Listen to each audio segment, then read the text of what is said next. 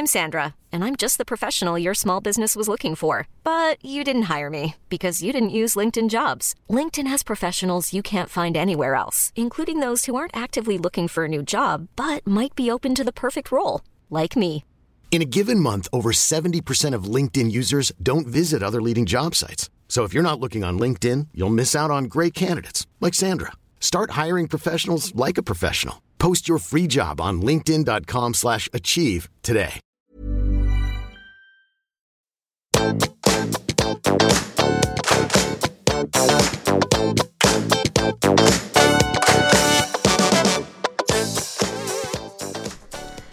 alle sammen, og velkommen tilbake til podkasten Karriereveiledning med Elaine. Og ukens gjest er en som heter Frode Haaland, og ikke bare en som heter, en som overhodet ikke kjenner meg, og som jeg ikke kjenner, som jeg kontaktet på LinkedIn etter en fantastisk post om noe som heter Great Shuffle, som vi skal komme tilbake til. Frode har bl.a. skrevet eh, en bok som vi skal komme litt tilbake til etterpå. Han er førsteamanuensis, forsker, forfatter, foredragsholder om ansettelser, førstegangsledelse, lederskifter og læring, noe som aldri har vært mer aktuelt enn akkurat nå. Så det er en glede og en ære å ønske deg velkommen. Du takka ja uten å vite noen ting om meg og sa 'dette høres gøy ut, jeg blir med', og her sitter vi digitalt. Velkommen, Frode. Jo, takk. Det var jo en veldig introduksjon der. Men syns du ikke den er jo litt passende òg? Jeg tenker at eh, skry, skryt skal gis der skryt fortjenes, og det er jo mye spennende Jeg har jo liksom lest meg litt opp på deg og gjort litt research etter jeg tok kontakt, og du sa ja, men ikke så mye eh, sånn Og det betyr at jeg kommer til å bli overraska underveis. Og vi har ikke noe manus, vi har ikke noe plan. Utgangspunktet her er på en måte the great shuffle. Og før vi kommer til det, kan ikke du bare fortelle lytterne eh, kort et lite sånn innblikk i din karrierehistorikk, hvordan du endte opp med å gjøre akkurat det du gjør i dag. Var det planlagt, eller var det tilfeldig? Ja, du, det var så tilfeldig som det kunne ha blitt. Bare for å starte en litt annen ende. For, Ja. eh, eh, til hver en som er opptatt av karriereskifter, jobbskifter, eh, ansettelser, så er det jo litt pussig, for jeg har jobba i 30 år og tre måneder og tre, fire dager i samme jobb. Jeg så Så, det. ja, sant, så det er, det er, men sånn er det når du har verdens beste jobb. Så blir du værende. Og jeg kom inn i det litt sånn tilfeldig, fordi at eh, jeg var ferdig utdanna, så, så eh, jobba jeg i eh, Miljøstiftelsen Bellona, bygde opp den internasjonale satsingen der. Så eh, plutselig så ringer det en eh, Jeg var på vei til Moskva, tror jeg, eller til Murmansk, et eller annet sånt, så ringte en tidligere studentkollega og lurte på Du Frode, kunne du tenke deg å ta et kurs på Høgskolen i Østfold? Det var en som skulle ha begynt her i dag for fem minutter siden, og så ringte han nå og sier at nei, du, jeg har eh, fått jobb på mitt hjemsted, så jeg kom ikke i dag nå. Det er derfor jeg ikke har kommet klokka ni. Kan du ta et kurs? Ja, jo, det er klart det kan jeg gjøre, men kan vi snakke seinere, for jeg er på vei til, til, til Moskva. Så, så dro jeg til Moskva og kom tilbake igjen, og hadde jo glemt hele greia. Så eh, eh, gikk det noen uker, hadde jeg sittet på kontoret eh, i, i Maridalsveien 139, og, og, og så eh, skulle jeg planla neste tur til Sibir, skulle være en måned i Sibir. Og idet jeg liksom hadde fått booka meg inn sånn at jeg skulle til banken og hente altså en solid bunke med endollarsedler. for dette, det var ingen som trodde på rubler i, i Sovjetunionen, så skulle jeg gå og hente det, og på flyplassen eh, så ringer den eh, tidligere studentkollegen min. Du, Frode, vi skulle snakke sammen om det kurset. Å, det hadde jeg glemt ut! Nei, nei, nei! Men nå er jeg på vei til, til Sibir. Jeg kommer om en måned. Ja, men kan du holde et kurs da, dette kurset da, om, om en måned? Ja, helt i orden. og da noterte jeg det så jeg ikke skulle glemme det. Og, og siden så har jeg vært i denne jobben. Men det er jo litt det er jo ikke, altså Jeg har vært 30 år, tre måneder og fire dager i samme jobb. og Det er jo ikke helt korrekt. for dette. Tidligere het det distriktshøyskole, heter det høgskole, det var ulike avdelinger. Jeg aner ikke hvor mange ledere jeg har hatt, hvor mange typer av kurs jeg har hatt. Det er lett å tenke at siden du har samme arbeidsgiver, eller nesten samme arbeidsgiver, så er jobben det samme. Det er jo ikke. Jobben er jo helt annerledes i dag enn det den var, var tidligere. Men det jeg har gjort, det er liksom jobba med hvordan er det folk lærer ledelse? Hvordan er det eh, folk En tror at folk lærer ledelse. Eh, har prøvd å lære folk ledelse. Har prøvd å studere dette her sånn empirisk. altså rett og slett Intervjue ledere. Hvis, når du har, eh, har lært og gjort det du har gjort, hvordan lærte du det? Hva er, har, hva er det du har erfart, hva er det du har opplevd? Hva har det gjort med deg? Så Det har vært en, en viktig del av, av, min inngangsvinkel til karrierefeltet. det er jo at, uh, Å se på hvordan er folks læringshistorie, hvilke erfaringer har de, og hva har det gjort med de? Og ofte så tenker jeg liksom, veldig sånn enkelt på det, at det er snakk om du skal lære noen konkrete håndgrep og teknikker, men dette handler om hvem er du som menneske? Altså om identitet. Og, og, og det er sånn jeg kom inn i dette med førstegangsledelse, som jo er et, en utvikling av en ny identitet. Du må liksom lære deg å tenke, føle, vurdere og handle som leder, og ikke lenger være medarbeider. For hvis du fortsetter å eh, tenke som en medarbeider, så blir du ingen god leder uansett hva du gjør, uansett hvilke teknikker du bruker. For det handler om hva er ditt ståsted i verden. Så har jeg jobba mer med Eh, ledere som bytter jobb, altså lederskifte.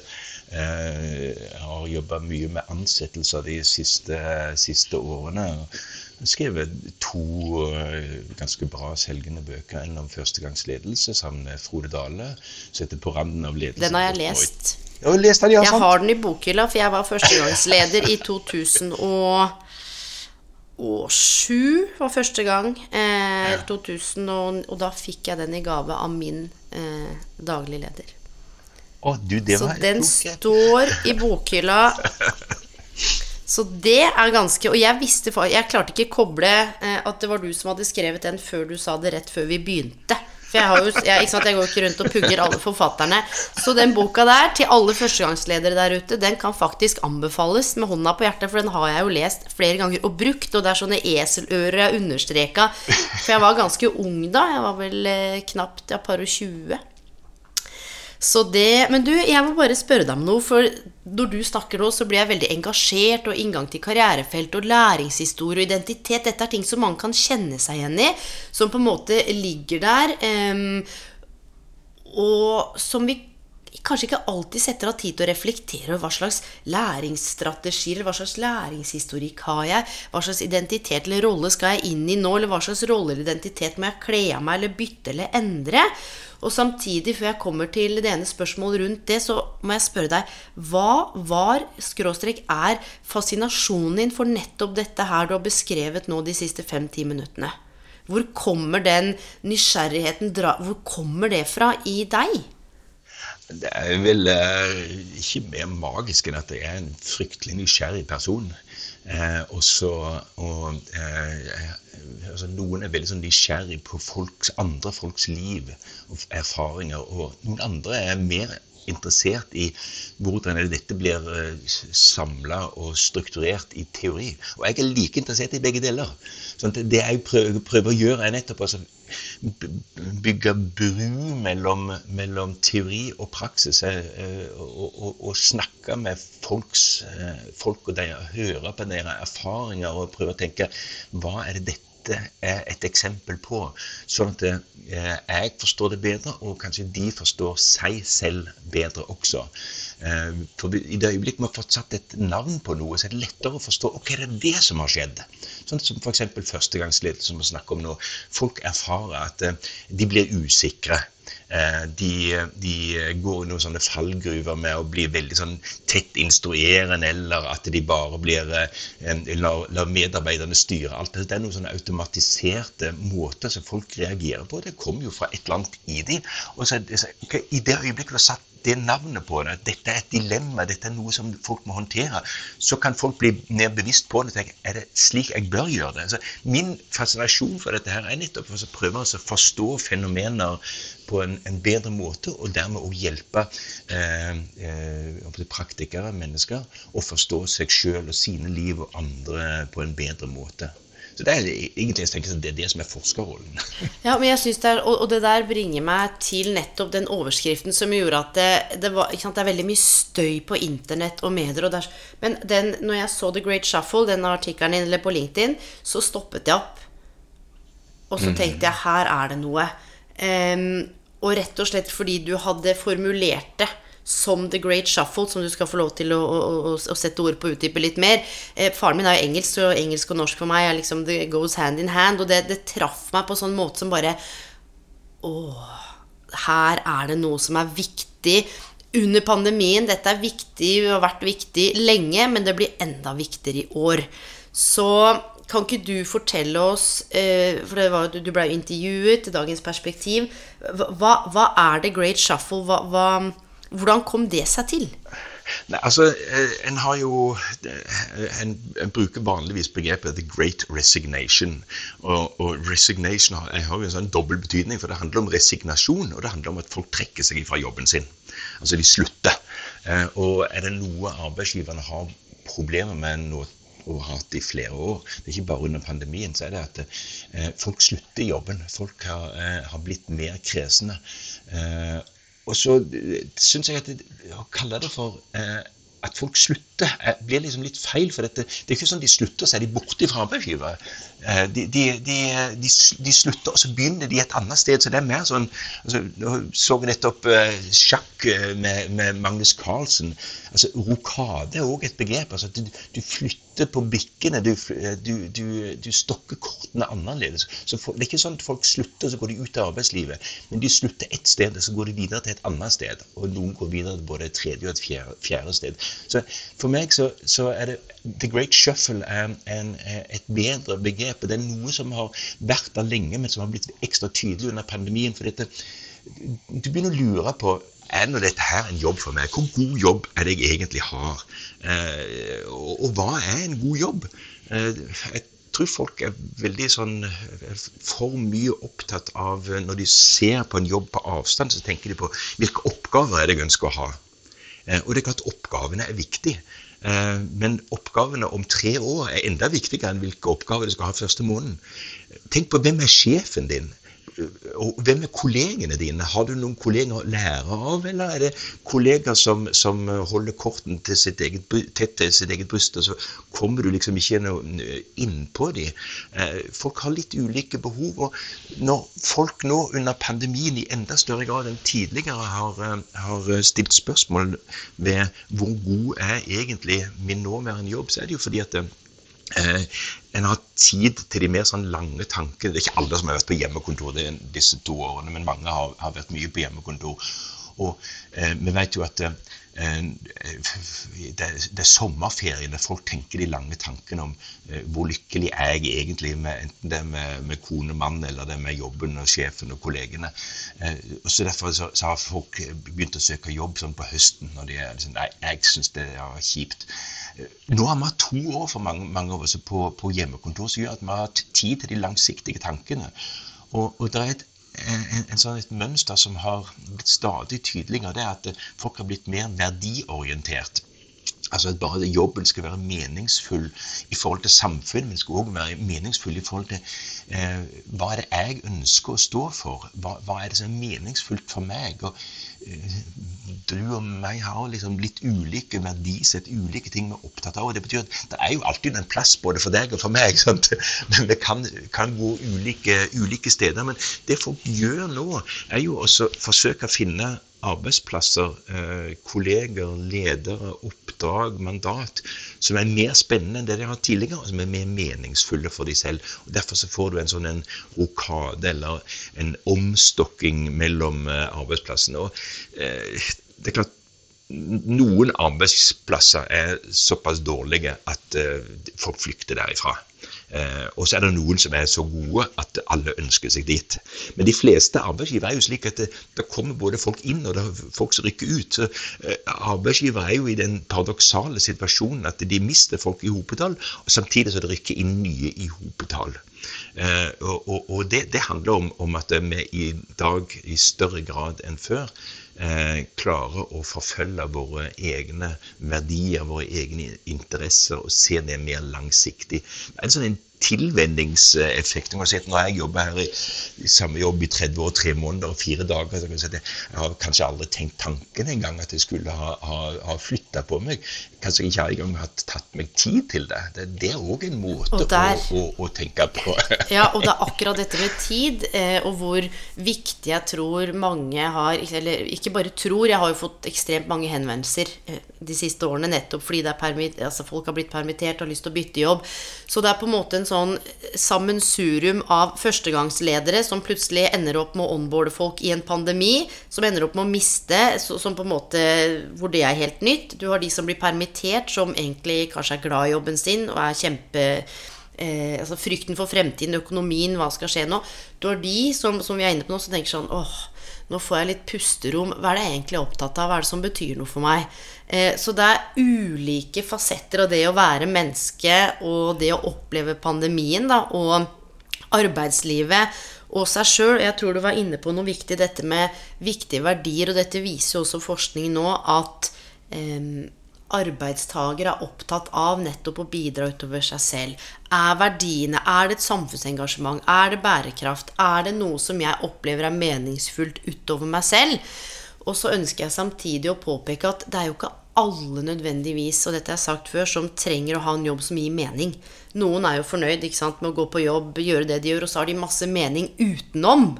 Så, så, og det er også viktig å slå et slag for, for jeg kjenner og vet om mange som er fornøyd med du vet, går på jobben sin, får lønna.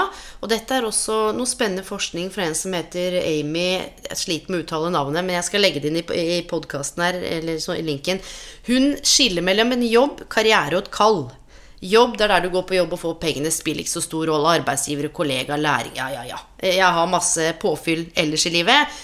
Karriere er mer sånn, ja, hva er det som er spennende for meg? Hva gir mening? Åssen kan jeg ha det godt på jobb? Mens kall det er nettopp det derre hvor eh, talent, verdi, evne, hvor alt bare lander i en sånn flyt. Og når du gjør jobben din, oppgaven er i rollen, så kjennes det ut som du er verdens heldigste. Hva er ditt kall, Elaine? Skal jeg si det? Det er jeg ja, glad for. Det er ingen som har spurt meg om noen gang.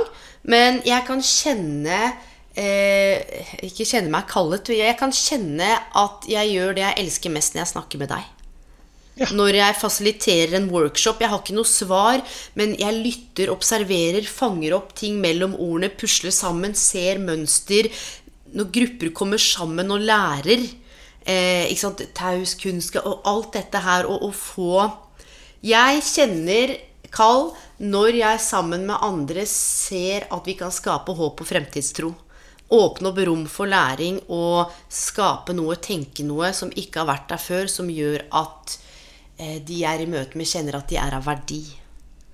At bare det å være menneske, om du er ute av jobb, i jobb, direktør, vaske gulv Du er allikevel av verdi. Når det håpet tennes, og du da Det er mitt kall. Og det skjer i ulike former og fasonger. Men det handler også om relasjonen og læringen og det å tillate seg å bare ja, se på hvilke fenomener da, som kommer til syne i mellom oss. Da Så, så flott! Da er jeg i mitt ess. Ja, så deilig. Ja, Og det at du spør, det syns jeg er spennende. For det er det ingen som har spurt meg om før. Det er jobben min. ja, Men det er på en måte ikke én rolle jeg kan si at når jeg gjør akkurat Det er når jeg snakker med deg nå og blir fascinert og overraska og tar det inn. Men det, er, den røde tråden handler om formidling og mennesker. Ja, sant. Og, og karriere vil jo da være du kan, du kan, gjøre det du nå har beskrevet som ditt kall fra ulike typer yes, roller. Du kan jobbe som rekrutterer, du kan jobbe som, som, som uh, leder, du kan ja. jobbe som uh, Nav-veileder, ja. mange. Lærer. Jeg er pedagog i bånn, ikke sant. Så det er mange ting. Og så har jeg valgt meg noen roller. Nå er det liksom karriereveileder, jeg jobber noe med å utvikle noe karrieretjeneste på Universitetet i Oslo, jeg har podkasten min. Så jeg har flere roller som gjør at jeg får får brukt ulike deler av meg selv og lærer i ulike fagmiljøer. Og så ser på en måte synergien og fletter dette her sammen da, så godt jeg kan. Til det beste for meg selv og andre, forhåpentligvis. Eh, for jeg tror ikke at vi lenger bare nødvendigvis har én karriere, sånn som du sa. Du har vært der du er i 30 år, men du har jo skrevet bøker. Du, du forsker. Det er, det er, jo mange roller i på en måte rollen eller i tittelen eller i undertitlene. Ja, sant. Og det som er interessant, er at en fokuserer veldig ofte på oppgavene. Jeg har lyst til å drive podkast. Eller jeg har lyst til noe helt sånn konkret. Men en, en, en, karriere, en jobb inneholder veldig mange oppgaver. Eh, og karriere inneholder veldig mange typer jobber. Og kallet er det, liksom det tredje nivået. Så, så, så det, det, er, det, en meningsfull måte å si det på. Men jeg kan gjerne spørre enda et spørsmål. Ja. Ja, du. Altså, her er det Vær så god. Når, når fant du ut at dette var ditt kall? Um, det fant jeg ut av uh, egentlig ganske tidlig. Jeg kunne ikke sette ord på det. Men jeg hadde en far som mista jobben da han var 55, og jeg husker at han romsterte rundt i gangen. Det var november, jeg var 13 år, og jeg husker jeg, jeg sto opp og liksom 'Hvor skal du?' Og faren min ser på meg full påkledd og sa han, 'Du, gå og legg deg. Jeg, jeg, jeg skal nå.' Så sa jeg 'Hva skal du midt på natta? Hva er det som foregår?' Så sa han jeg har ikke sagt til deg, jeg mista jobben for to måneder siden. Jeg går med avisene på natta. Jeg bare gå og legg deg. Når jeg la meg da Jeg hadde jo ikke begrepene jeg har nå. Så huska jeg at jeg, når jeg ble stor, så skulle jeg hjelpe de som hadde mista jobben. For pappa hadde Øynene hans, de var um, triste. Ikke sant? Tap av identitet, tap av mening. Eneste han har gjort hele livet. Engelskmann, eh, opplevd krigen til og med. Ikke sant? The Blitz, klart seg sjøl. Foreldrene døde tidlig. Nå har han mista jobben. Og jeg så det, det derre mørke, det triste. Så jeg husker at jeg skulle bestemte meg for at jeg skulle ha eget firma. Det var ikke akkurat jorden jeg brukte, så ingen kunne sparke meg. Og at jeg en dag skulle bli leder, sånn at jeg kunne passe på de. Liksom, passe på de, Sånn at ingen skulle miste jobben. Eh, og så endte jeg opp med å jobbe ti år på Ellos. Postordre og snakke med folk. Utdannet meg som pedagog. Var opptatt av å formidle, lære det vi har snakket om. Endte opp med å ta en coachingutdannelse og så en master i karriereveiledning. men det som var det definerende øyeblikket, det var opplevelsen jeg hadde av å se faren min så satt ut av spill. Mm. Fordi han hadde oppført seg annerledes også. Jeg husker jeg satt og spiste med albuene på bordet. Og det, han, han er ikke oppvokst i noe strengt hjem. De har vært veldig fantastiske foreldre. Da husker jeg han hadde sagt en uke før sånn Ta ned albuene dine fra bordet. Ikke sant? Så han hadde noe inner turmoil, han hadde ting som foregikk. Så dynamikken hjemme hadde endra seg, men ingen hadde snakka med meg om det. Før jeg oppdaget han halv tolv, for han skulle ut og hente Aftenposten klokka ett. Og, ja. og da husker jeg at han begynte å jobbe i kommunen, pluss at han jobba som Securitas. Så det var et defining moment. Men som Søren Kirkegård sier, livet må leves forlengs og forstås baklengs. Eh, så var det noe med Begynte å jobbe på kiosk da jeg var 13. Det derre menneskemøtene. Og det og jeg kan ikke se om noen har det godt eller vondt, eller jeg kan ikke lese folk. Men det er noe med observere. Hvem behandla meg bra når jeg jobba på den burgersjappa? Hvem var frekke med meg? Hvordan var toneleie til kundene som ringte inn og jobba på L? Og sånne ting. Eh, og litt for meg hvordan mennesker er, er sånn kjempestore puslespill. Så vi sier én ting, og så ligger det noe annet bak veldig ofte. Fantastisk historie, eh, Elaine. Lang historie er, kort, da. Men ja, det ja, er men altså, it's... hvordan, det, hvordan det livene våre blir, eh, blir, eh, bygd opp? Og det er klart Her hadde du et veldig sånn definerende eh, øyeblikk. Men det du òg beskriver, er jo òg at det her tråkler seg fram over tid. Det tar lang tid før du finner ut hva som er ditt egentlige kall. Hvordan skal jeg følge mitt kall? Og, og, og Det er jo liksom en side ved liksom karriereutviklingen er at du veit jo ikke hva du liker før du har forsøkt det. Nei, og dette her, dette her så, er så, så viktig. Både med The Great Shuffle, det er ikke meningen å avbryte, men nå sier du noe som jeg, altså jeg kjenner hjertet mitt eksploderer. Fordi unge voksne som står overfor karrierevalg i dag, har Mange har, jeg skal ikke generalisere, men mange har en opplevelse at nå må de ta et valg for livet. Hvis du velger feil nå, så er det ikke noe som heter omvalg. Og bare det å bruke begrepet feil.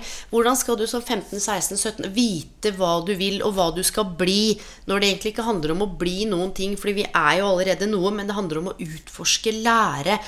Eh, hvordan kan vi bytte ut det narrativet med at du må ta det riktige karrierevalget når du er 17-18, med noe annet? Med, med, noe av det du er inne på, med, med læring, med det å utforske. Hvordan kan vi sammen endre det narrativet så det oppleves mindre stress og press, både ved å skulle bytte jobb, men også ved å ta karrierevalg? Hvilke tanker gjør du deg om det, basert på alt det du sitter med? da? tenker, jeg tenker mye sammen med barna. så som deg. At dette her er det å finne ut hva du er god til, og hva du liker, det er noe som du pusler deg fram til over tid. og for å få til det, så må du faktisk bytte noe jobb noen ganger. Det er òg en del av the great shuffle. altså At folk faktisk har anledning til å flytte på seg. Og Så kan vi da gå tilbake når, når det var eh, stor arbeidsledighet, der folk ikke hadde muligheter for å teste ulike yrker, ulike typer jobber, ulike typer arbeidsgivere, som er liksom ulike nivåer av, av, av, utfordringer. Du kan like jobben ett sted, men like, mislike akkurat samme jobben et annet sted, fordi at kollegene er annerledes, lederne er annerledes, systemene er annerledes. Sånn at det, å, å, vite hva som er hva, eh, det krever at du bytter, bytter jobb noen ganger. Og, og, og, eh, jeg tenker sånn, det er sunt nå at folk er mer i, i flyt, at de forsøker å forfølge sine interesser. Jeg hadde en, en som jeg eh, såpass gammel at eh, vokste opp på, på, på, eh, på Jæren. Og, og, og, på den tida så var det så oljen som var, var så, så, viktig. Og hvis du skulle bli noe stort, så måtte, bli, måtte det bli noe innen oljen, for da tjente du graps mye penger, som det heter. Og da var det en, en eh, i samme kull som meg som studerte oljegeologi, og ble altså Shanghai av Statoil midt i løpet, og fikk altså på tidlig 80-tallet så fikk hun PC av, av, eh, Statoil og fikk delvis lønn og hadde sommerjobb. Og når hun da var ferdig utdannet oljegeolog, så var det ikke behov for oljegeologer lenger. Og så syntes hun at oljegeologi var egentlig veldig kjipt, men hun så for seg at hun skulle tjene grapsmye penger. Det altså, tenke at jeg skal følge mine interesser i størst mulig grad. Så er det, er det ikke mulig alltid å gjøre det, men forsøke å forfølge sine interesser. Hva er det jeg syns er spennende? Forfølger du noe du syns er spennende, så blir det på et eller annet vis blir det bra. Kanskje ikke akkurat her og nå, men du får noen erfaringer som du kan eh, veksle inn i en annen jobb et annet sted etter hvert. Men du får med deg noen erfaringer, du lærer noe. Så må du liksom ikke tenke at liksom, den jobben jeg har nå, den skal jeg nødvendigvis nødvendigvis har til evig tid. Det er ikke sånn. Eh, tenk at du skal, skal eh, Dine interesser varierer òg med, med, med, din egen alder og barnas alder. Altså, alder. Det er veldig mange ting som gjør at det, det, det er fornuftig at folk flytter eh, mm. på seg. Ja, og jeg tror du er inne på noe både med at vi har ulike livsroller, og kanskje det å se karrieren i et livslangt perspektiv. Eh, fra, fra, man går ut av videregående ungdomsskole eller, eh, og, og, til en viss alder. Det er klart, jeg er jo når spurte meg hva kallet mitt Jeg hadde de samme følelsene eller tankene det jeg gjør nå, men jeg visste ikke for 10-15 år siden at jeg skulle gjøre akkurat det jeg gjør. Og jeg hadde en forelesning på Universitetet i Bergen, da var det 400 stykker i salen, var før pandemien. Og da spurte jeg hvor mange av dere visste at du skulle jobbe med akkurat dette her for ti år siden. Det var to hender i været. Ikke sant? Og det sier noe om hvordan vi eh, Hvis jeg skulle sagt noen ting som jeg tenker kan oppsummere noe av det vi snakker om uten at vi har vært inne på det, dette med å slippe litt kontroll. Selv om vi har ikke brukt det begrepet, men dette med læring, nysgjerrighet Det å finne litt ut av uten at alt trenger å ha to streker under svaret. Og det betyr ikke at man ikke skal planlegge og sette seg mål. Men det er jo sånn at det kom ut en NOU-rapport i 2016 med Roger Skjærgård i spiss med Norge i omstilling, som sa at vi kommer til å måtte bytte jobb flere ganger, vi kommer til å måtte ta flere utdannelser. The Great Shuffle is coming, uten at det var The Great Shuffle, men det var undertonene. Og jeg tror når du bruker det begrepet eller det, det, det, som The Great Shuffle, så gjør det Jeg tror det kan være med på å gjøre det litt enklere for folk å, å bytte jobb og snakke om at man vurderer å bytte jobb. For hvor mange, og det vet jeg spesielt lytterne og kanskje som dømmet nå, opplever ikke motstand jeg selv sa opp med lederjobb jeg, i 2011, og faren min holdt jo på å miste det lille håret han hadde. Og hvordan kan du gjøre dette her med huslån, og hva er det du holder på med, og bare har du blitt helt sprø? Eh, ikke sant? Og man møter jo mye motstand. Men du er flott, hvorfor gjør du dette? Hvorfor er du ikke fornøyd der du er? Eh, og det å tåle å både stå imot, men tåle også ta imot og forstå at det er jo kjærlighet veldig ofte. Når noen har motstand fordi man er redd for Ja, vi har ikke de samme verdiene. Nei, nå mister hun tryggheten. Og det å kunne si at nei, men jeg vurderer å gjøre et skifte, eller jeg skal rokere litt. Jeg skal rokere litt på kompetansen min, rokere litt på relasjonene. Det høres litt lettere ut å, å, å håndtere. For det, det er så endelig og så voldsomt dette med å slutte i jobben. Og da har jeg et spørsmål eh, knytta til bl.a. førstegangsledere som nå kanskje har blitt ledere, nye ledere, altså i pandemien. Eller før. Hvordan håndterer man at noen eh, slutter i jobben sin som leder? For der har det kommet inn eh, Jeg gjorde en episode for et par ganger siden hvor det var veldig mange som hadde opplevd veldig mye ubehagelig når de hadde gått til det skrittet å si opp, eller fortelle at de vurderte å bytte jobb. Hva er dine tanker rundt det?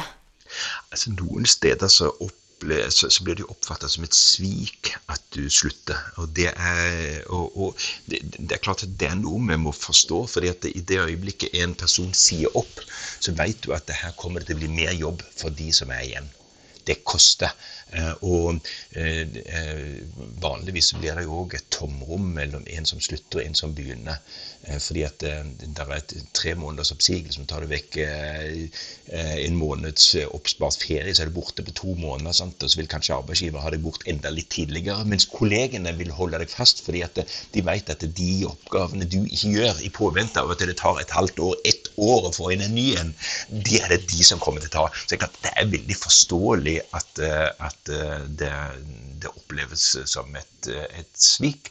Men eh, igjen, altså, det handler litt om hvordan er lederne håndterer dette her. for dette det du jo kan gjøre, er å si ok, nå blir kortene lagt på ny. Hvem er det nå som har fordeler av å få seg noen nye arbeidsoppgaver? Det, det er nettopp en mulighet en har til å gjøre en indre rokade, og at folk som egentlig andre som òg kanskje er litt lei av det de holder på med, at de kan få seg noen nye arbeidsoppgaver. Sånn at det, når noen sier opp, så får du en mulighet til å gjøre noe annet internt. Eh, stille noen spørsmålstegn ved, ved, ved den vanlige oppgavefordelingen. Eh, og stille spørsmålstegn ved eh, alt det vi gjør, skal vi fortsette med det, eller skal vi lage noe nytt? Skal vi gjøre noe annet? Altså, da, du får nettopp muligheten til å gjøre ting annerledes når noen slutter. Så det er òg en sånn oppfordring til, til folk prøver å se det positive, konstruktive i, i at noen sier opp, og eh, og være glad for at noen uh, får muligheter. Det er ikke alle som får, uh, får jobb. Du må huske på at det er forskjell på å være en god jobbsøker og være en god arbeidstaker. Du kan Ja, være en veldig si god arbeidstaker, men en veldig dårlig Nei, altså, hvis du, skal, hvis du skal bli ansatt, så må du gjøre det veldig godt i et intervju. Da er det en fordel å være eh, ekstravert utadvendt og ha mye energi. Folk som er ettertenksomme, framstår som De ser ut som i intervjuet som en dårligere arbeidstaker. Selv om de kan fungere knallgodt og være enda bedre enn den litt sånn engasjerte Duracell-kaninen som, som eh, lederen, rekruttererne, tenner på. Så, så må vi huske på at, at folk, det, det vi ser etter når vi skal ansette, er ikke nødvendigvis det vi ser etter i det daglige. Eller vi lar oss lure av, eh, av eh, folks framferd. Og dette her, ikke sant, nå kjenner jeg liksom at det rister og kiler i hele kroppen. Fordi ikke sant, gjennom elleve år snart nå, ja, med karriereveiledning, jobbprosess, så hvordan, og hvordan vi snakker nå, hvordan alt henger sammen, fra på en måte lederskapet til ansettelse, til omfordeling av arbeidsoppgaver, hvordan vi eh, rammer inn eller eh, ser ting på nye perspektiv, med nye blikk, og bare hvordan man kan eh, bomme eller gjøre det godt i forhold til rekrutteringsprosesser, og hvor på en måte en sånn nøkkel i tillegg til dette med å kanskje slippe litt kontroll, handler om denne bevisstheten og innsikten, liksom som du sa dette med å bli kjent med seg sjøl. Og du har jo jobbet altså i forhold til rekruttering og ansettelser. Hva er det som gjør at det går an å bli litt mer bevisst på nettopp det du beskriver? At man blir litt blenda av eh, sant? De, de rette ordene og den rette fremtoningen, og så sitter det kanskje noen der som er helt vanvittig. Hvordan få tak i det, da? Jeg tror at eh, noe av dette handler om eh, at eh, ledere som skal rekruttere, som skal ansette, de, de må ha bedre kompetanse på området. Med Det er altfor lite eh, rekrutteringskompetanse ute i, blant eh, lederne. og eh, og, og, den kompetansen som finnes, eller den som blir liksom delgitt fra, fra eh, høgskoler og universiteter, bygger på et ganske sånn snevert, enkelt eh, psykologisk, psykologiserende, individualpsykologisk perspektiv. Om, om eh, sånn at det, en, en, eh, Dels er det altså for lite kompetanse, og den kompetansen som, som, folk da har, de som har det, er det ganske snever. Så når jeg skulle skrive, skrive om, om ansettelser, så endte jeg opp med ei bok som ble altfor tjukk. fordi at det er nettopp se på sammen altså, eh, Siste, siste kapittel handler om, om, om turnover og retention, altså folk som slutter. Og første handler om hvordan er det får, hva er en god arbeidsplass. Eh, og det er I forholdet mellom hva er en god arbeidsplass og turnover, der ligger det hele yrkeslivet. Der ligger rekrutteringsprosessen, utvelgelsesprosessen, onboarding eller innfasingen, livet med hverandre, eh, matchingen mellom arbeidsgivers interesser og, og mine eh, interesser som arbeidstaker, karriereinteresser eh, osv. Altså, alt det handler om, eh, om, eh, om, liv som arbeidstaker, og det må en som leder forstå. Men det blir det altså dessverre i veldig liten grad eh, undervist i på høgskoler og universiteter. Det var først nå når jeg skrev boka mi i 2019 at, at de mer sånn moderne perspektivene på ledelse ble representert i litteraturen på norsk i det hele tatt. Dette er, dette, dette er så viktig. Ja, ja, men Det du beskriver nå ja, Og jeg, jeg, har jo jobbet med flere tusen mennesker hvor det har vært de introverte altså Jeg liker egentlig ikke å kategorisere, men sjenerte, introverte, litt usikre Men kjempedyktige. Men på en måte aldri kommet gjennom, da. Eh, brukt litt lengre tid på å svare på spørsmålene. Eh, så det å på en måte komme tilbake til å bli kjent med seg selv og kunne sette ord på og si vet du hva, eh, jeg trenger litt tid til å, å reflektere over det du eh, har spurt om. Eller gi meg et lite øyeblikk. Jeg skal bare tenke grundig gjennom. Det å også kunne kjenne til eh, aspektene av seg selv som menneske. Tenke seg inn i rollen du skal inn i, og på en måte svare, svare deg inn i rollen.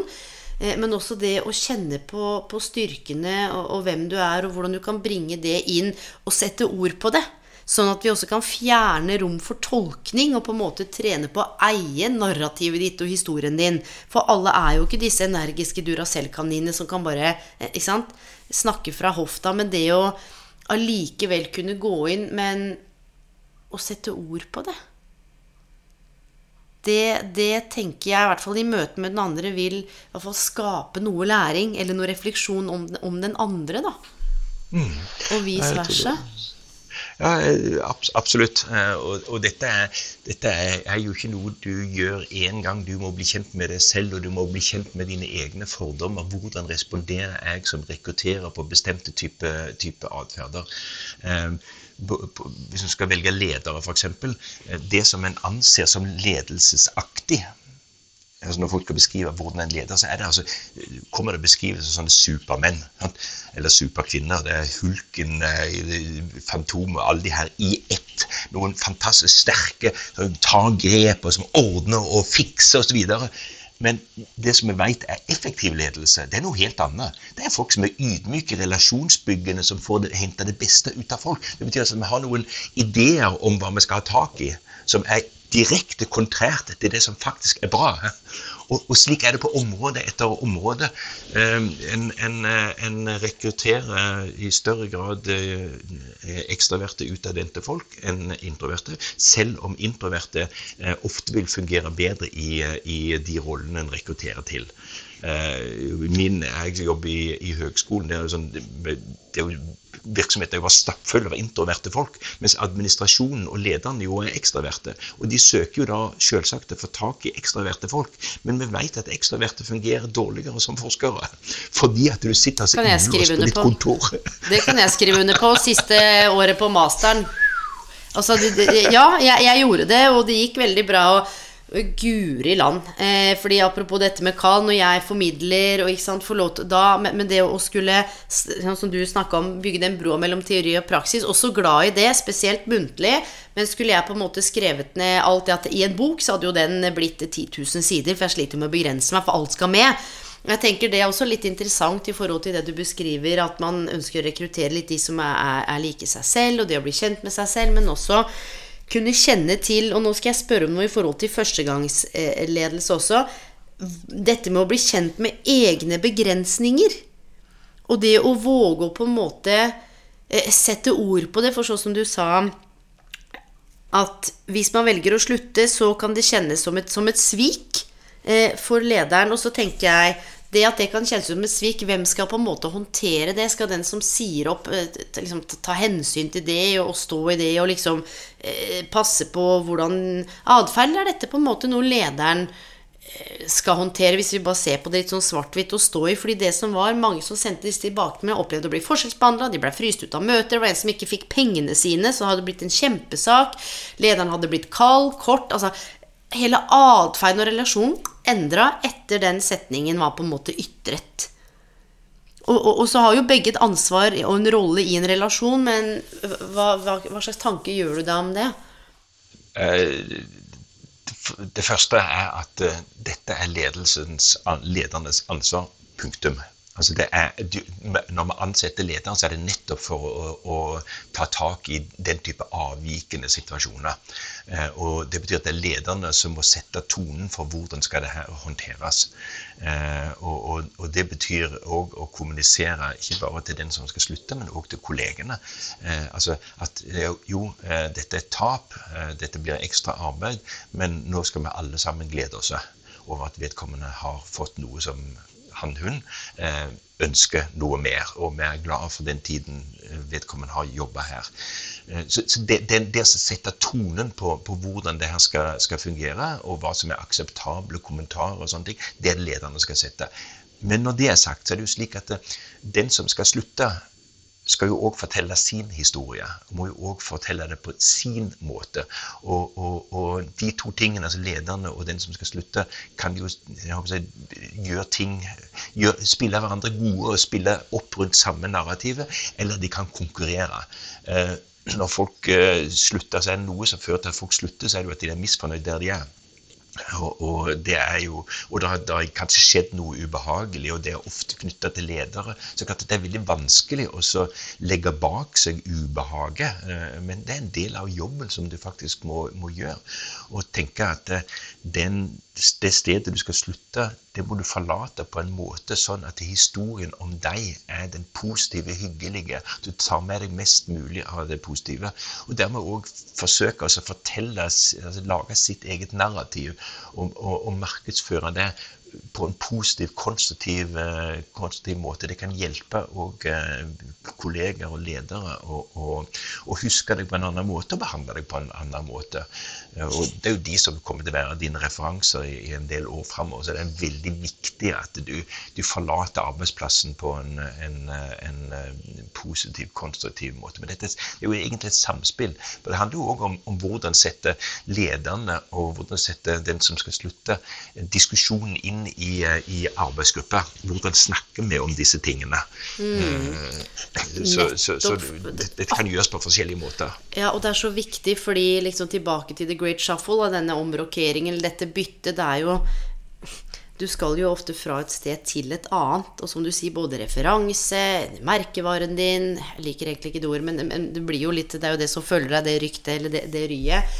Um, og kanskje du ender opp med å samarbeide med noen ett år fram i tid. Noen kunder, noe eksternt. Man vet jo aldri. Um, og akkurat det å tenke på når et karriereskifte, man begynner å vurdere et karriereskifte, så kan det være flere ting. Kan lederen, vi snakket om dette med verdier, interesser. Og nå skal jeg stille deg spørsmål som egentlig ikke har noe svar, men hvor jeg vil tvinge fram et lite svar for det. For om man ikke er fornøyd der man er, som vi var inne på, det å bruke litt tid på å utforske hvorfor, eller bare hoppe rett ut i det og tenke Nei, nå kjenner jeg nå, først, Nei, nå Og så bare gjøre det byttet. Hvordan, hvordan kan man vite at det er riktig i hermetegn å gjøre et bytte, og tiden er inne? Jeg tror du sier det sjøl. Her finnes det ikke noe enkle svar. Eh, men eh, når folk eh, begynner å tenke på å slutte, så er de inne i et modus av negative tanker. og Da er det noe negativt som kommer i fokus. Og Det betyr at du ser mer av det negative enn av det positive. Det er den egne dynamikken. Og det er, både bra og dårlig. For det, det er viktig å legge merke til hva er det jeg egentlig er misfornøyd med. Men du må òg tenke på hva er det jeg faktisk er fornøyd med? Hva er det jeg faktisk får her? Det, altså, hvis jeg hadde bytta jobb, så hadde jeg fått en annen leder. Jeg har kanskje, kanskje, fått bedre leder. Jeg har fått andre strategier. eller kanskje til og med bedre strategier. Jeg har kanskje fått bedre innsats, anerkjennelse for min innsats. Eller dårligere. Jeg kan få, kan få Antakeligvis hadde jeg gått opp en 150 000 kroner i lønn. Sant? Det er veldig lett å tenke ok, 150 000 kroner, har jeg råd til å si nei? Ja, men ha, se på mine kolleger. Se på våre samspill. Se på de fantastiske studentene jeg har. Jeg har eh, utrolig spennende mennesker som jeg jobber sammen med. Så Det blir lett at en overfokuserer på noen få enkle variabler, og så glemmer en bort alt det andre. Og hvis du bytter jobb, husk på Eh, du, du kommer bakerst i alle mulige køer, enten det er på lønnshopp, eller om det er karriere, eh, bytte nye oppgaver eller kompetanseutvikling. Du kommer bak i alle køer, uansett hvor mye erfaring du har der du kommer fra nå. Det, sånn er det bare. Så det, det er noe å tenke helheten. og, og, og Eh, det å eh, se at eh, en har noe en er misfornøyd med, kanskje det ikke er så farlig likevel, når du begynner å tenke etter. Sånn at du rett og slett fatter mer informerte valg. Men det er klart at det, dette handler òg om følelser. Og hvis du føler at du blir, eh, ikke blir anerkjent, eh, er det din følelse, så er det din følelse. Eh, og da kan det være fornuftig å komme seg et annet sted og så begynne i et annet modus. Ja, det blir vanskelig å endre sånne modus. Ja, og jeg tenker det som også er viktig, eller sånn som jeg, det du beskriver nå For jeg har jobbet med mange som hadde lyst til å bytte jobb, og pleier å spørre hvor lenge, hvor lenge har du på en måte holdt ut, eller hvor lenge har du tenkt på det? Og en jeg jobbet med, hadde tenkt på det i ti år. Og da, da, da, da, er det på en måte noen røde flagg hvor jeg tenker sånn Dette kan jo være spennende å utforske, skal vi sette i gang med det? Eh, men veldig ofte så er det mange som har hatt lyst til å bytte jobb. Dette er bare ett eksempel. Men sier at de er så opptatt av trygghet. Ikke sant? Man vet at man har god lønn, man vet hva man har, men kjenner at dette er ikke riktig lenger. og det jeg har, eh, sammen med alle disse flotte menneskene over ti år, sett et veldig sånn tydelig mønster, det er at Ofte er det mange som sier at de er opptatt av trygghet, men så handler det om frykt eh, og en opplevelse av manglende verdi og tillit til seg sjøl. Hvis man nå gjør the great shuffle, gjør dette byttet, så er det ikke sikkert at noen har behov for meg. Jeg kan ikke sette ord på kompetansen min, jeg er usikker på hva jeg kan bidra med. Jeg tror egentlig ingen andre vil ha meg. Dette er det jeg kan, så jeg blir her. Det har gått igjen spesielt hos damer hos kvinner, for dette har jeg notert, altså jeg har ikke noe sånt for, men dette har jeg liksom At da er det bedre å bli. For ubehaget ved å skulle få avslag der ute, eller put yourself out there, det at ingen vil ha deg, da er det bedre å bli. Men så forkler man det, eller man, man eh, begrepssetter det som trygghet. Men bak der så ligger det frykt og en manglende opplevelse at det er faktisk noen andre som vil ha meg der jeg er. Og så blir man, og så har man det ikke godt. Og det er sånne ting Når du spurte om kall i stad, det er de samtalene hvor jeg kjenner at jeg lever, når vi klarer å pusle sammen nettopp det. Så det tenker jeg kan være én årsak til at det er færre som bytter, selv om det er mange som bytter. Og så er det noen som er modige og bare hopper i det, for vi har ulike strategier. For du sa jo noe interessant om dette med genus og lederskap. Dette med kjønn og lederskap. For det jeg også har sett, er at kvinner i mindre grad søker på jobber de ikke er kvalifiserte til, mens de fleste menn jeg har jobbet med, de, de liksom Ja, ja, oppfyller fem av ti krav. Vi prøver. Og du sa noe interessant i forhold til ledelsesperspektivet. Kan ikke du bare gjenta Jo, det? nei, altså, det, det, det er mer et sånt spørsmål eller en hypotese som jeg håper at noen vil, eh, vil gripe fatt i og undersøke. For dette, er det noe vi vet om de som blir ledere første gang, så er det jo at de blir usikre. Altså, det er på akkurat samme måten som når du får barn for første gang. Hvordan i all verden skal håndtere dette her. Eller de kjører bil for første gang. Altså, alt, alle sånne førstegangsgreier det er, handler om usikkerhet og, og, og noen ganger òg en, en solid slump med angst, rett og slett. Så folk blir usikre når de kommer inn i rollen. Og, og, og da er det fort gjort å tenke eh, at eh, Uff, det er meg det er noe galt med. Jeg hadde ikke kompetansen. jeg har liksom dette, It's a bridge too far. Dette, dette, her, dette her fikser jeg ikke. Eh, jeg skulle aldri søkt denne rollen. Jeg har ikke ledertalentet i meg og så slutter en som leder, og så går en tilbake til medarbeider. Det tror jeg er veldig sånn typisk mekanisme for kvinner. Kvinner vender liksom blikket innover, innover seg sjøl og tenker det er meg det er noe galt med. Mens vi menn vi har en mye klokere tanke. og tenker at Hvis jeg ikke får det til, så er det de andre som ikke legger til rette for meg. Det er, altså, det er, det er betingelsene rundt meg det er noe galt med, og ikke meg. Og Det betyr altså at det, jeg tror vi mister eh, potensielt gode kvinnelige ledere som hvis de hadde fått litt mer tid og tatt seg litt mer tid, kanskje fått litt mer støtte, så hadde de blitt gode, gode ledere. Og så beholder vi en del menn som egentlig ikke skulle ha vært ledere, fordi at de er så selvsikre og tenker at det er bare alle andre det er noe galt med. Så Det kan være en forklaring på hvorfor, hvorfor, vi ender opp med så mange dårlige mannlige ledere, og at vi mister potensielt framtidig gode kvinnelige ledere. Denne indre usikkerheten og håndteringen av, av den. Har, har du noen refleksjoner omkring hvordan håndtere det hvis det er mange førstegangsledere som lytter, og det vet jeg, for det har jeg fått mange tilbakemeldinger på. Mange som har skrevet til meg 'Hva gjør jeg nå? Sitter i pandemien? Er alene?' Altså, mange føler seg alene også. Um, om gjennom kanskje å lytte til det du sa nå, har utkrystallisert seg en form for ja, det er usikkerhet jeg faktisk kjenner på eller opplever. Det, det har jeg ikke klart å, ikke klart å ikle tankene mine ord før akkurat nå. Hva er det en kan gjøre, da? Gitt at det nå ikke er mye støtte. Hva er det en kan gjøre selv for å jobbe med en slags indre ro eller trygghet? Hva, gjennom det du har sett da, og stått i og forska på de siste 30 årene, hva, hva er lurt å gjøre? Jeg, altså, jeg, jeg, jeg har en sånn tanke, og det er mulig det er sånn yrkesskade. Jeg tenker kompetanse er alltid nyttig. Så eh, hvis du er blitt leder første gang, så tenker jeg lær om førstegangsledelse. Hvis du leser om det, leser på randen av ledelse, som Frode Dale og meg skrev tilbake i, i 2005, så vil du se hvordan er det folk sedvanligvis opplever denne prosessen. Og så vil folk kjenne seg igjen og tenke ok, eh, her ligger det noe jeg kan forstå, dette kan forklares, eh, og jeg kan se eh, både hva jeg har gjort som er bra, hva som ikke er like bra, og jeg kan klare å håndtere det. Så liksom, starten å lese, les deg litt opp på feltet. Det koster lite å, å, å lese, lese ei bok. Det er vanligvis tenker sånn Ei bok, ei bok, ei bok. ei bok. Den, du kommer aldri særlig langt. Men akkurat den boka der, den ser jeg bare virke på folk, selv om folk leser alene. Det, det blir mye bedre hvis du får lest den sammen med andre.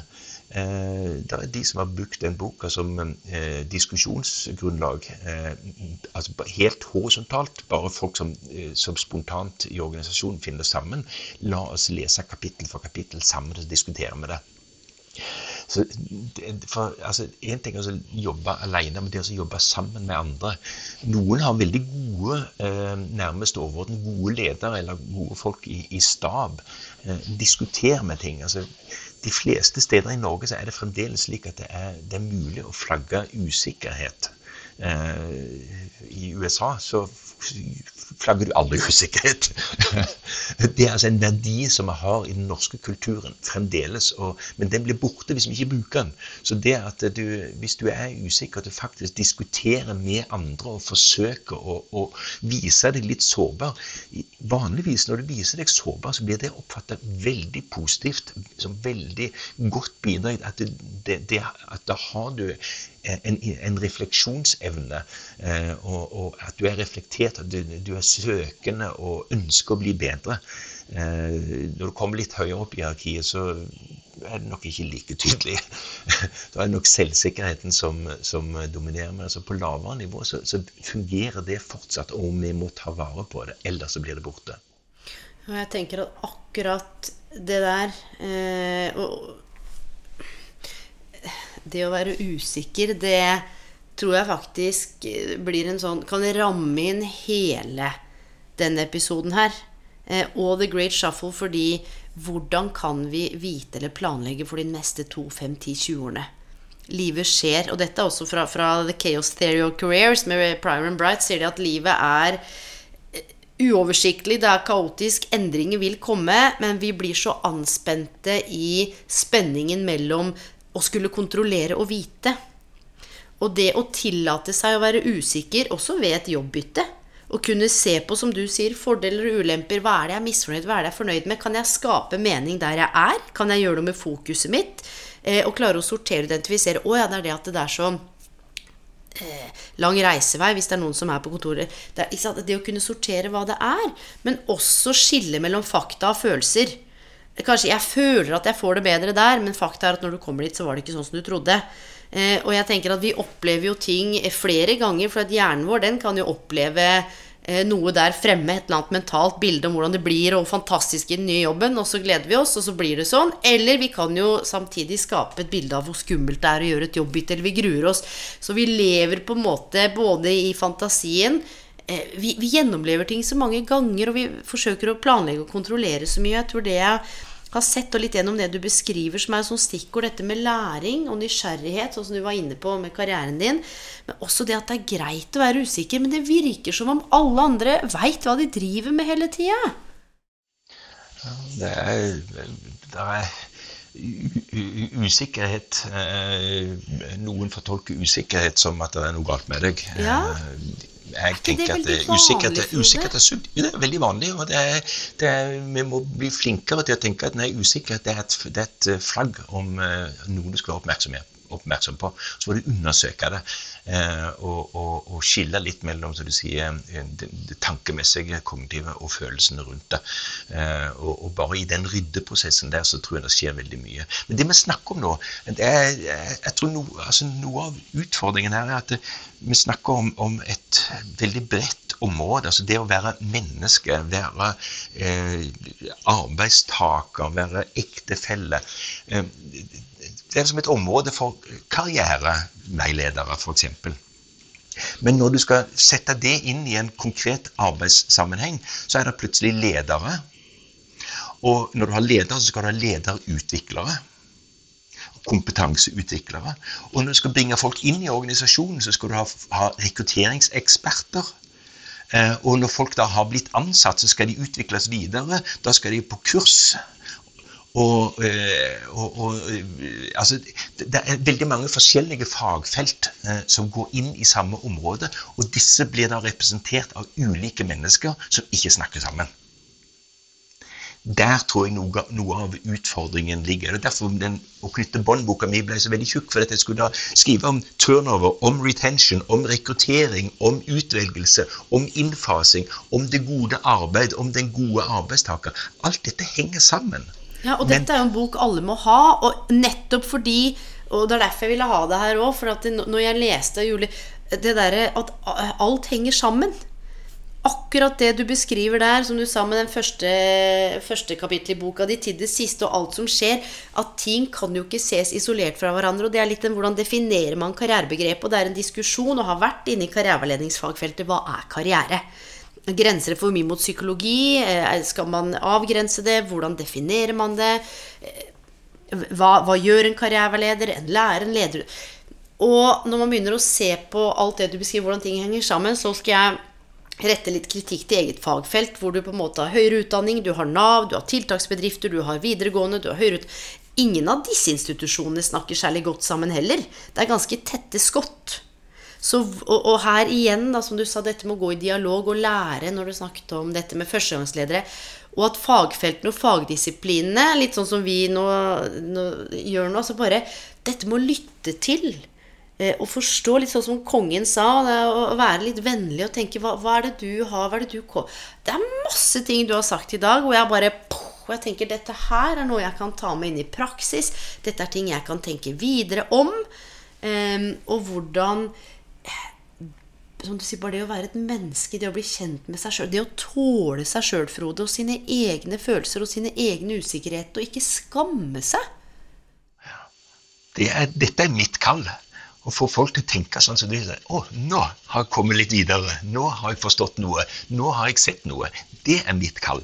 Hjelpe folk å tenke klokere om seg selv, om sin egen rolle, om sitt eget liv. Det er det viktige. Du, dette her syns jeg har vært helt eh, nydelig. Og helt avslutningsvis så skal jeg spørre deg om to korte ting. Eller er det noe, eh, Frode, du har lyst til å sette ord på eller dele som du føler at du ikke har fått sagt, som du på en måte hadde tenkt, tenkt på, eller bare 'Å, dette her har jeg lyst til å si', for nå er det veldig mange lyttere. Og, eh, det er ikke så lett. Jeg kunne ha sikkert ha tatt eh, veldig mye men er det kanskje én ting som, eh, som er viktig, så er det tenk litt mer langsiktig. Tenk litt mer langsiktig. Ikke tenk på hvilke arbeidsoppgaver og sjef og jobb skal jeg ha eh, neste måneden eller neste år.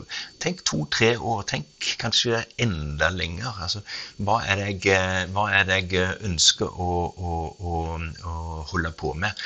Og det betyr òg at du skal ikke være så fokusert på eh, akkurat arbeidet jeg holder på med i dag. For det er bare et bit i å bygge opp et liv. Så om jobben i dag ikke er helt perfekt, ja, men det bringer meg i alle fall videre. Jeg får noen erfaringer, og blant annet så får jeg en erfaring med ja, nå har jeg en dårlig sjef. sant? Ah, det er noe dritt. men da har, jeg lært det òg. Da vet jeg at det skal jeg se, være mer oppmerksom på neste gang. Sant? Det er ikke så farlig. Det er ikke så farlig, den likte jeg. Um, og de siste to spørsmålene jeg har til deg, er, hva er det verste karrieretipset eller karriererådet du noen gang har fått? Det tror jeg er å, eh, å tenke, eh, tenke så konkret at du skal Altså du skal lage en konkret, formell plan, og så skal du følge den. Jeg tror det er det dummeste jeg noen gang har hørt. Eh, Følg, eh, følg hjertet, og så må du jo òg følge lommeboka. Altså, du skal jo ha et liv òg. Du, du skal lå huslån skal, altså, eh, Du lager ikke en formell plan, og så følger du den de nærmeste årene. Livet tråkles fram over tid. Og om du jobber her eller der, så det er bare litt ulike veier fram mot det samme, nemlig lykken. Åh, det hadde vært en, en egen episode. Og det siste spørsmålet, hva er det beste karrieretips eller karriererådet du enten har fått, eller som du føler at du har fått gitt, gitt til noen? Jeg tror det er følg, følg, følg din egen interesse. Følg det du, det, du føler, det du føler for. Og det er klart I det så ligger det òg det vanskelige som vi snakket om. Som er, du skal òg betale huslånet. Du skal òg ha livet til å gå i hop. Altså, du må følge hjertet, men det, det, du står ikke fritt til å gjøre, følge ditt hjerte. Du skal faktisk ha finansiert ditt, ditt liv. Og noen skal være interessert i at du skal få den jobben. Det er ikke sikkert du får den jobben, så, så ja. Men, og, og sist, hvordan finne ut av hva man er interessert i, eller hvordan finne ut av om det er mine interesser, eller om det er eh, Facebook og Instagram og hva alle andre mener jeg skal være interessert i eller opptatt av. En må høre, høre mindre på sånn eh, reklame, reklame og markedsføringstriks om hva som er lykken. Eh, nå er jeg jo gjest eh, hos en karrierespesialist, karriereveileder. Eh, karriereveiledere finnes der ute.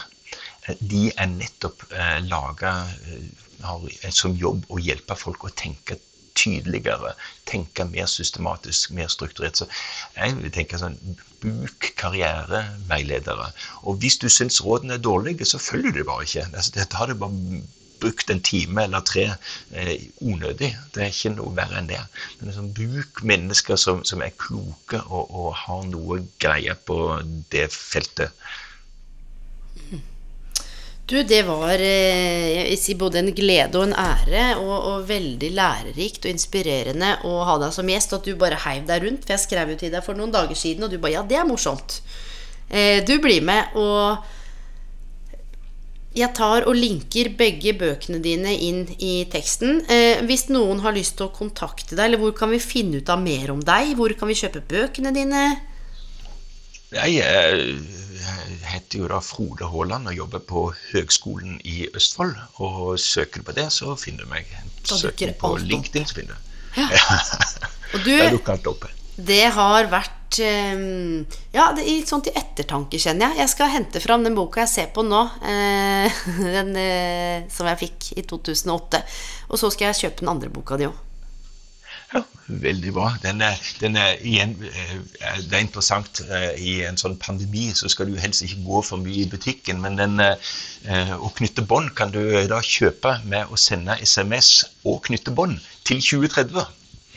Ja. Og knytte bånd uten eh, mellomrom mellom, og så bare til 2030. Så får du den i postkassa med faktura eh, fra, fra forlaget. Så det er en enkel og smittefri eh, løsning. Eller så finnes det jo nettbutikker du kan kjøpe kjøpe ja. ja.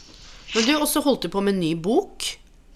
Ja, er det ny forskning, ja, det er, ja, det er ny forskning. Det er, jeg er opptatt av alle sånne rolleskifter, læring i rolleoverganger. Altså, de fleste jo snakker om og skriver om kurs, om eh, læring eh, når du er i jobben, men det er jo akkurat i overgangen, den første perioden, de første par-tre årene, de er alltid de som definerer eh, hvordan det her kommer til å gå. Så det er noe av det jeg er, opptatt av. Det ligger også sånn i forlengelsen av både brand av ledelse og, og, og knyttebånd. Så den boka kommer til å handle om, eh, om eh, det å være på spranget mellom, eh, mellom roller, enten det da er førstegangsledelse eller erfarne ledere.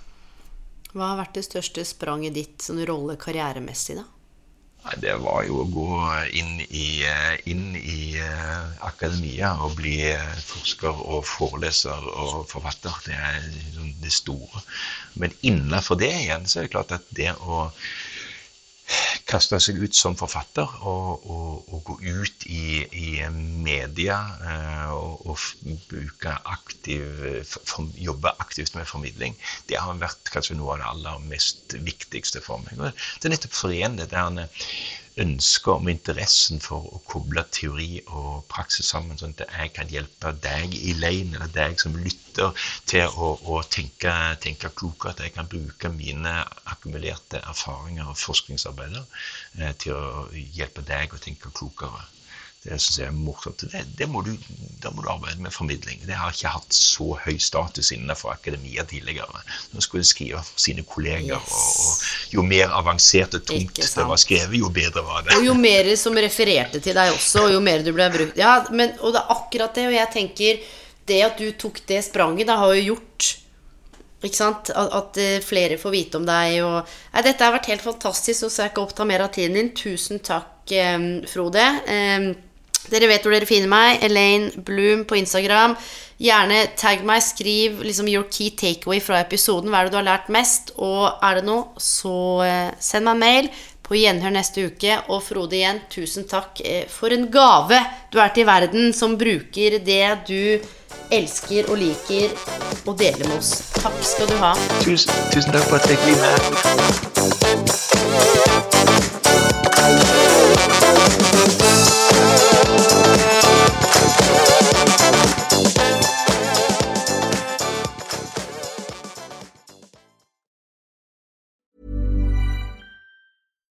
My business used to be weighed down by the complexities of in person payments. Then, Tap to Pay on iPhone and Stripe came along and changed everything. With Tap to Pay on iPhone and Stripe, I streamlined my payment process effortlessly.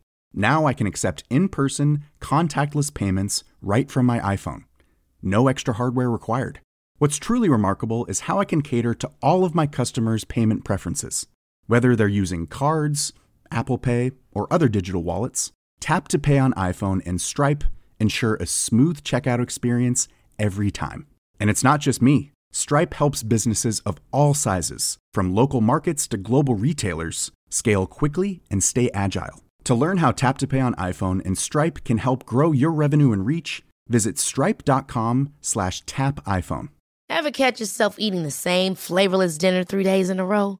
Dreaming of something better? Well, HelloFresh is your guilt-free dream come true, baby. It's me, Kiki Palmer. Let's wake up those taste buds with hot, juicy pecan-crusted chicken or garlic butter shrimp scampi. Mm. Hello Fresh. Stop dreaming of all the delicious possibilities and dig in at HelloFresh.com. Let's get this dinner party started.